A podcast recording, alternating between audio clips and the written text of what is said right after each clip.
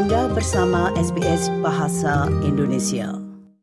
Pendengar, warga Australia menyukai taman mereka dan memanfaatkannya untuk berbagai tujuan. Ruang hijau ini berfungsi sebagai tempat untuk berjalan-jalan dengan anjing, relaksasi, melepaskan lelah, berolahraga, pertemuan sosial dengan teman, piknik, barbecue, dan mengadakan acara, serta banyak hal lain. Baik Anda pengunjung taman biasa atau ingin menjelajahi ruang hijau publik di daerah Anda, mengetahui peraturan dan beberapa tip etiket praktis akan membantu Anda memanfaatkan taman setempat sebaik-baiknya dan juga memastikan kenikmatan semua orang. Berikut ini rangkuman tentang hal tersebut yang disusun oleh Soito Maido. Di Australia terdapat lebih dari 50 ribu taman kota. Sydney sendiri memiliki sekitar 400 taman dari taman kecil dan cakar alam di pinggiran kota hingga taman yang terdaftar sebagai warisan budaya. Joel Johnson adalah manajer penghijauan dan kenyamanan di Dewan Kota Sydney. Ia mengatakan meski dalam beberapa kasus, tanggung jawab atas ruang hijau publik ditanggung bersama oleh pemerintah negara bagian, perwalian, dan lembaga lain. Namun pengelolaan taman kota umumnya berada di bawah tanggung jawab Dewan Kota tempat mereka berada. Inilah sebabnya mengapa peraturan mungkin berbeda-beda dan Johnson menyarankan masyarakat untuk selalu memeriksa apa yang berlaku di wilayah Anda. Each council area, each local government area does have different rules.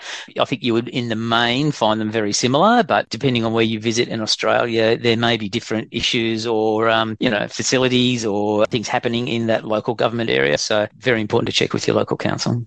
Selain pertimbangan keselamatan masyarakat, peraturan di taman kota bertujuan untuk menjamin pengalamannya harmonis bagi semua orang. Meskipun peraturan menyeluruh tertentu berlaku untuk hampir semua taman dalam kota, kecuali jika ditentukan lain seperti larangan berkemah, terdapat variabilitas dalam peraturan untuk berbagai kegiatan seperti yang ditekankan oleh Johnson berikut ini. Our parks are like people's backyards, so we have signage that encourages people to share and respect the spaces that we provide. And yeah, one thing we don't allow is parking vehicles or camping in any of our parks, but things like drinking alcohol, we do have certain areas where that's restricted and certain areas where that's not restricted. So really important to check the park signage and we have pictograms where possible so that people can pick up pretty quickly what's allowed and not allowed. Sammy Dobinson adalah salah satu direktur dari Mama Knows Melbourne, sebuah situs web yang berisi rekomendasi jalan-jalan gratis untuk anak-anak dan keluarga. Ia telah mengunjungi sebagian besar ruang hijau di kotanya itu. Ia mengatakan tidak banyak peraturan taman yang membatasi aktivitas orang tua dan anak-anak. Namun peraturan yang berbeda berlaku jika menyangkut taman yang lebih besar. Places like botanical gardens where you can't kick a football and there might be some you know regulations about ball sports or large parties of people gathering in some botanical gardens Dobinson menambahkan terkait etika taman dan taman bermain, banyak aspek yang hanya merupakan masalah akal sehat saja. Things like taking your rubbish with you if you can, or finding a rubbish bin to use before you leave, cleaning up after yourself, making sure that the kids are playing on appropriately sized play equipment. You know, if you've got a toddler area, you don't want to be sending big kids coming down the slide with the little kids, could be a bit intimidating. So there's just a little bit of common sense when it comes to those Pendekatan untuk memperhatikan orang lain serupa juga diharapkan jika Anda memilih taman setempat untuk mengadakan pesta ulang tahun anak Anda. You just need to be, I guess, mindful about noise, making sure you're not bringing the biggest boombox you've got and keeping things under control in terms of the kids running around, I suppose. And take your streamers home with you if you're decorating. Make sure all of that party stuff goes with you. Saat mengatur pertemuan sederhana dengan teman-teman Anda, lokasi seperti tempat barbecue dan area lain di dalam taman biasanya dapat diakses dengan berdasarkan siapa yang datang lebih dulu. Namun untuk acara yang lebih besar seperti pernikahan dan perayaan akhir tahun, serta aktivitas yang melibatkan banyak orang atau bernuansa komersial, diperlukan pemesanan atau izin terlebih dahulu. Mr. Johnson dari Dewan Kota Sydney memberikan beberapa contoh. We have a few spots that are popular for weddings. So, for example, Observatory Hill Park is very popular for weddings, so you do need to book in those locations. And events that would typically need approval are things that are going to have a major impact on the park or, you know, very large concerts or uh, markets or commercial activities where you're selling things, those sorts of things need approval. And so our venue management team would consider what you're wanting to do, say yes or no, and then provide conditions of use if it's approved. Jika Anda berencana mengadakan barbecue, jangan lupa untuk memeriksa tanda larangan kebakaran atau situs web dewan setempat untuk mengetahui peraturan seputar menyalakan api kayu atau arang. Dan juga penting untuk memeriksa peringatan dan larangan bahaya kebakaran lokal di negara bagian atau teritori Anda.